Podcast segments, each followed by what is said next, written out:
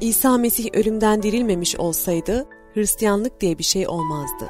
Onun dirildiğini biliyorum. Ona iman ediyorum. O dirildi. Nasıralı İsa'nın çarmıha gerilerek öldürüldüğü tarihsel bir gerçek.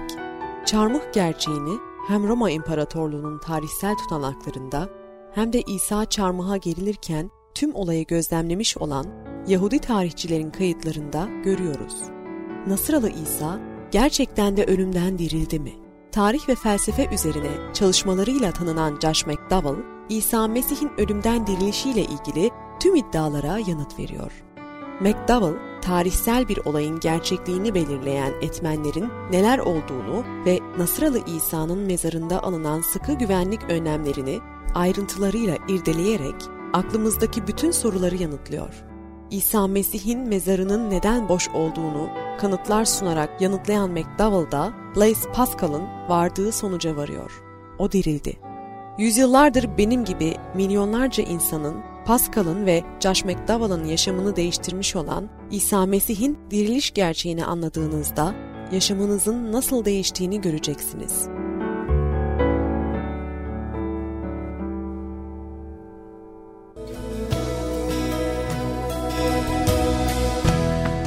Diriliş Gerçeği 3. Bölüm Güvenlik Önlemleri 5 Çok Büyük Taş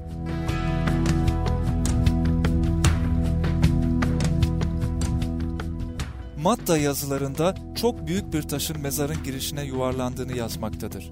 Markos, taşın aşırı derecede büyük olduğunu söylemektedir. Günümüz dilinde şöyle derdik. Vay be şu koca taşa bir bak. Şu vay be şu koca taşa bir bak taşı ne kadar büyük bir taştı. 20 kişi yerinden oynatamadı. İngiltere'deki Cambridge Kütüphanesi'nde bulunan Bezae el yazmalarının bir kısmında bulunan Matta 16.4'te parantez içinde şöyle bir ifade bulunmaktadır. O oraya yatırıldığında o yani Yusuf mezarın girişine 20 adamın yerinden oynatamayacağı bir taş koydu.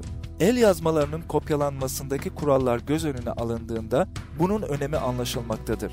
Kopya çıkaran kişi kendi yorumunu vurguladığında kendi düşüncesini orijinal yazıya eklemeyip bunu yazının kenarına yazması bir gelenekti.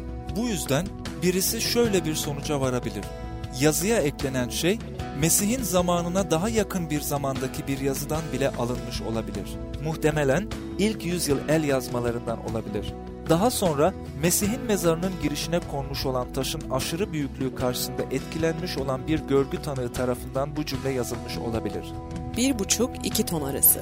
Georgia Teknik Üniversitesi'nde vermiş olduğum bir konferanstan sonra iki mühendislik profesörü Georgia Teknik Üniversitesi'nin başka iki üyesiyle İsrail'de bir tura çıkmışlardı.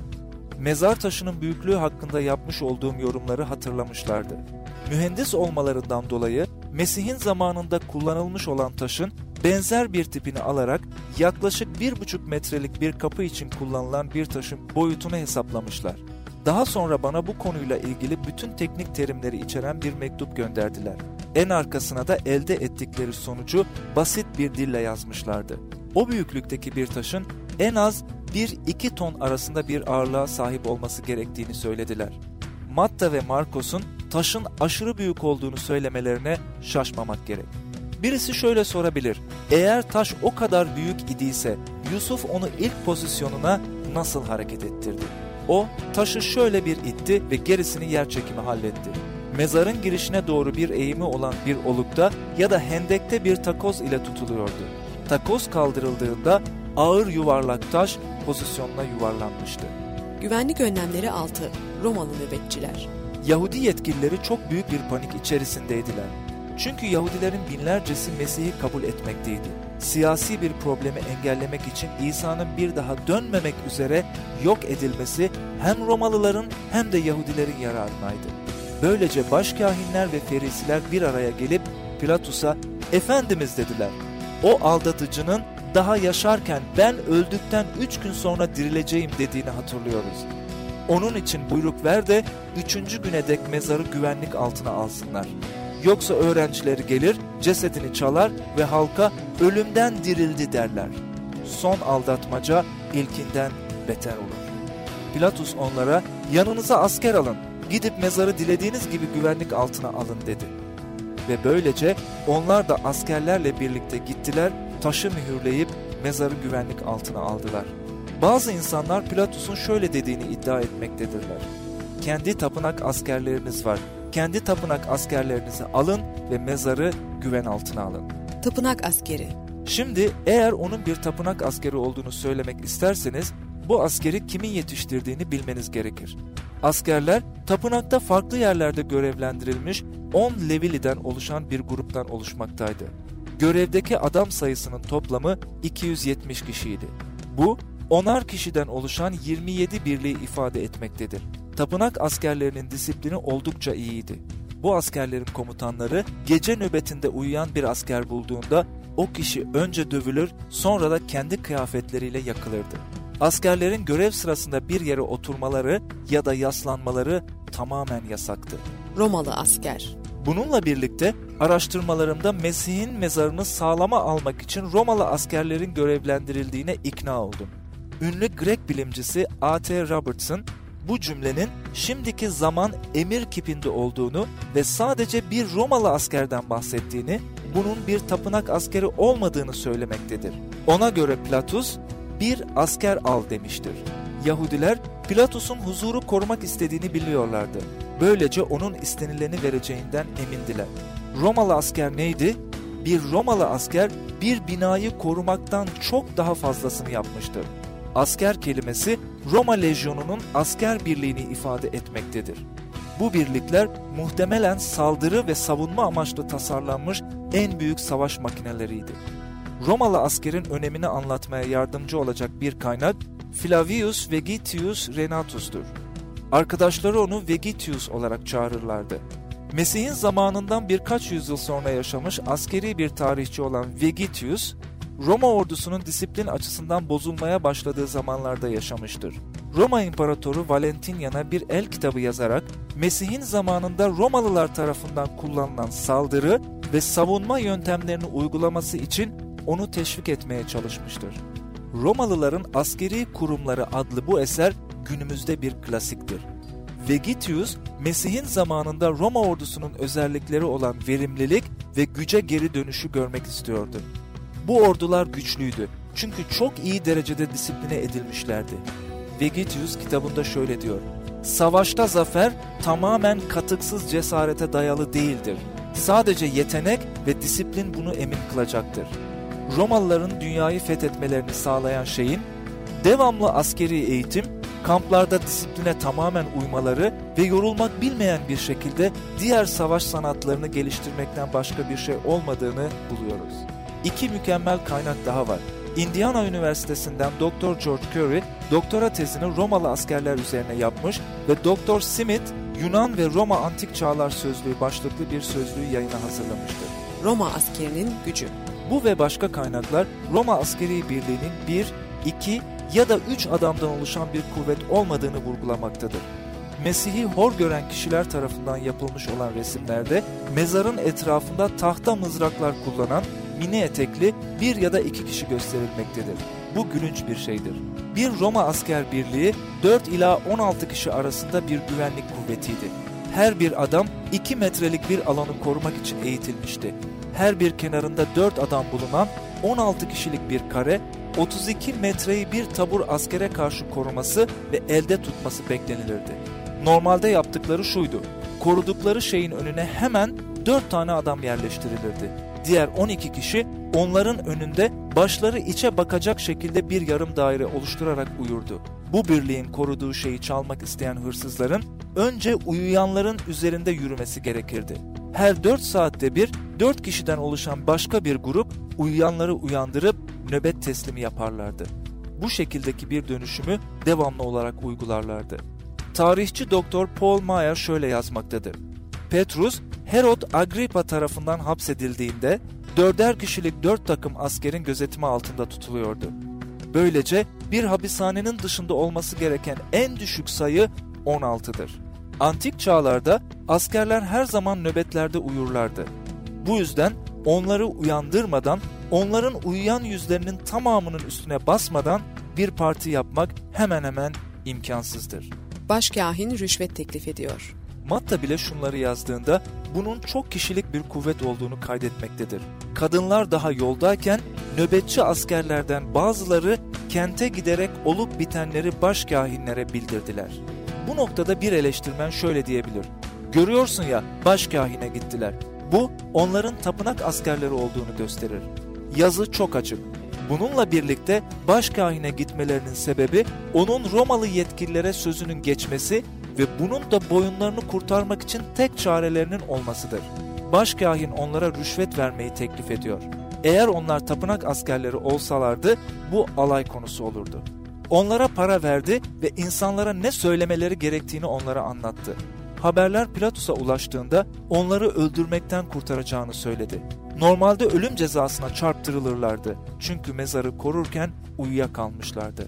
Valinin ikna edilmesinin gerekliliği kayda değerdir. Çünkü tarihte ister layık, ister Yahudi, Hristiyan olsun Roma valisinin tapınak polisiyle bir işinin olduğunu hiçbir kayıtta bulamadım. Mezardaki nöbetçiler tapınak askerlerinden olmuş olsaydı bile güvenlik bundan daha az olmayacaktı. Bir savaş makinesi. T.G. Tucker, Nero'nun ve Aziz Pavlus'un Roma Dünyasında Yaşam adlı kitabında bu askerlerden birini şöyle tanımlıyor. Göğsünün üstünde omuzlarında kapakçıkları olan çember gibi deri tabakalarla kaplı ya da belki de demir ya da bronzdan pullarla kaplı bir korse giyerdi. Kafasında süssüz, saksı şeklinde bir miğfer ya da demirden bir takke olurdu. Sağ elinde meşhur Roma mızrağı taşırdı. Bu sağlam silah 2 metreden uzun, tahta bir gövdeye oturtulmuş keskin bir demir uçtan oluşmaktaydı. Ve bununla ya bir süngü gibi ya da bir cirit gibi hücum eder ve yakın mesafe dövüşlerde de kılıcını kullanırdı. Sol kolunda farklı şekillerde olabilen bir kalkan vardı. Kalkan sadece elde taşınmıyor, sağ omuz üzerinde bir kemerle de destekleniyor olabiliyordu. Kalkanın engellenmemesi için kılıç, kesmekten çok saplamak için kullanılan bir metreye yakın uzunluktaki bir silah, sol omuzun üzerinden geçen bir kemerle sağ tarafa asılıydı. Asker sol tarafında kuşağında bir kama taşıyordu. İsa'dan sonra 2. yüzyılın Grek tarihçisi olan Polybius, bütün bunlara ek olarak şöyle yazmaktadır. Adamların başlarında yarım metre yüksekliğinde üç tanesi yukarı kaldırılmış mor ve siyah tüylerden yapılmış bir taç bulunmaktaydı. Diğer silahlarla bunları başlarına taktıklarında gerçekte olduklarından iki kat daha büyük gözüküyorlardı. Görünüşleri dikkat çekiyordu ve düşmanı korkutuyordu. En düşük sınıftaki adamlar 40 santimetre kare büyüklüğünde bronz bir plaka kullanıyorlardı.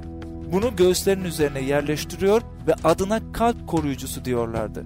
Bu onların silahlarını tamamlıyordu. Ama bunlar 10 bin drahmiden daha fazla değerde olduklarından kalp koruyucusunu kullanmaktansa geri kalan malzemelerle birlikte bir zırh tabakası kullanıyorlardı. Sert bir disiplin. Tucker, bir askerin birliğine katıldığında şunların olduğuna dikkat çekmektedir. Asker, başkomutanın imparatorun bütün emirlerine sadakatle itaat edeceğine dair imparatorun emrindeki yakın memurları önünde resmi bir ant içmek zorunda kalırdı. Bu andı her yıl Ocak ayının birinde ve imparatorun tahta çıkışının yıl dönümünde tekrar etmesi gerekirdi. Güvenlik önlemleri 7. Roma mührü. Matta, onlar da askerlerle birlikte gittiler, taşı mühürleyip mezarı güvenlik altına aldılar diye kaydetmektedir. A.T. Robertson, bunun sadece görevde olan Romalı askerlerin önünde yapılabileceğini söylemektedir. Vegetius da aynı şeyi söylemektedir. Bu prosedürün amacı herhangi birisinin mezarın içindekileri karıştırmasını engellemek içindir. Asker mezarı inceledikten ve taşı yerine yuvarladıktan sonra taşın bir başından diğerine bir ip yerleştirirdi. Balçıkla her iki ucu tutturulurdu. Son olarak balçık yığını Roma valisinin resmi mührü ile damgalanırdı. Bunun benzeri Daniel'de de görülmektedir. Bir taş getirip çukurun ağzına koydular. Daniel'le ilgili hiçbir şey değiştirilmesin diye kral hem kendi mühür yüzüğüyle hem de soyluların mühür yüzükleriyle taşı mühürledi. Mührün amacı Hindistan Bakanlar Kurulu'nun bir üyesi olan Cambridge Üniversitesi'nin eski sivil hukuk profesörü Henry Sumner Main, Roma mührünün hukuksal otoritesi hakkında bahsederken şunları söylemişti. Antik çağlardaki mühür, otoritenin bir şekli olarak görülmekteydi. Bir şeyi teyit etmek, basitçe onun gerçek ya da hakikat olduğunu ispatlamak anlamına gelir. Böylece İsa'nın mezarındaki bu mühür İsa'nın bedeninin gerçekten orada olduğunun açık bir göstergesidir. Buna ek olarak bu mührün Roma mührü olmasından dolayı onun bedeninin Roma İmparatorluğu'nun kanunları ve kuvvetiyle eşkıyalara ve mezar hırsızlarına karşı korunduğunu tasdik etmektedir. Mezarın girişindeki taşı kaldırmaya çalışan herhangi birisi mührü kıracaktı ve bundan dolayı Roma kanun ve gücünün gazabına maruz kalacaktı. Mezar hırsızları uyarıldı. Nasıra'da mezar bir levha çok ilginç bir kitabeyle keşfedildi. Mezar hırsızları için bir uyarı. Grekçe yazılmıştı ve şöyle diyordu. Sezar'ın emri, mezarların ve kabirlerin, ataları ve çocukları ya da evlerinin üyelerinin kültleri ve onları yapanlar için daima dokunulmamış kalması benim lütfumdur. Eğer bununla birlikte birisi bir başkasını onları yok etmekle suçlarsa ya da gömüleni mezardan çıkarırsa ya da onları yanıltmak amacıyla kötü bir niyetle başka bir yere naklederse ya da mührü veya diğer taşlardan birini yerinden çıkarırsa bu kişilere karşı bir yargılanma yapılmasını emrediyorum. Tanrılara saygı ve ölümlülerin kültüne olan hürmete binaen. Onları rahatsız etmek kesinlikle herkese yasak olsun. Rahatsız eden kişinin mezar kurallarını ihlal etmekten dolayı ölüm cezasına çarptırılmasını istiyorum. Mayer şunu gözlemliyor. Mezar ihlalini kapsayan bütün Roma fermanları sadece büyük para cezası vermektedir. Roma hükümetinin cezayı özellikle Filistin'de daha sert olarak uygulamasına ve Nasır'a ve çevresine bir ilan dikmesine ne gibi bir ihlalin neden olduğu merak konusudur. Mesih'in dirilişiyle meydana gelen karışıklığa tepki olarak da olmuş olabilir. Özet Yahudiler ve Roma valisi Pontius Pilatus birçok dini ve siyasi nedenden dolayı Mesih'i öldürmüşlerdir. Onun ölü ve gömülü kalmasından emin olmak için altı güvenlik önlemi alınmıştı. 1. Mesih şimdiye kadar tasarlanmış en zalim ve en korkunç idam cezası yöntemlerinden biri olan çarmıha gerilme ile öldürülmüştü. 2. Mesih'in bedeni kayaya oyulmuş sağlam bir mağara mezara gömülmüştü. 3. Yahudilerin hassas geleneklerine göre Mesih'in bedeni 50 kilodan fazla baharatla kaplanmıştı. 4. Mezarın girişine yuvarlanmış olan taşın ağırlığı 2 ton civarındaydı. 5. Şimdiye kadar görülmüş en etkili savaş birliği olan bir Roma asker birliği İsa'nın mezarını korumak için görevlendirilmişti. 6. Mezar Roma'nın resmi yetkisi ve işareti olan bir mühürle kapatılmıştı.